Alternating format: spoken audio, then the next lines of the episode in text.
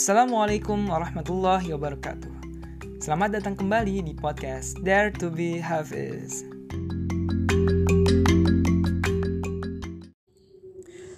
أعوذ بالله من الشيطان الرجيم يا أيها الذين آمنوا إن كثيرا من الأحبار والرهبان ليأكلون أموال الناس بالباطل ويصدون عن سبيل الله والذين يكنزون الذهب والفضة ولا ينفقونها في سبيل الله فبشرهم بعذاب أليم.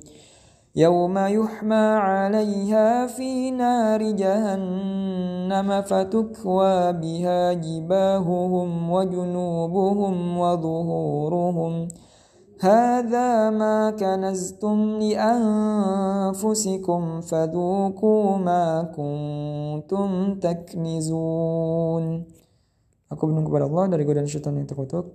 Wahai orang-orang yang beriman, sungguhnya banyak dari orang-orang alim dan rahib-rahib mereka benar-benar makan harta orang dengan jalan yang batil dan mereka menghalang-halangi manusia dari jalan Allah. Dan orang-orang yang menyimpan emas dan perak dan tidak menginfakannya di jalan Allah, maka berikanlah kabar gembira kepada mereka bahwa mereka akan mendapat azab yang pedih. Ingatlah pada hari ketika emas dan perak dipanaskan dalam neraka jahanam, lalu dengan itu disetrika dahi, lambung dan punggung mereka, seraya dikatakan kepada mereka, inilah harta bendamu yang kamu simpan untuk dirimu sendiri, maka rasakanlah akibat dari apa yang kamu simpan itu.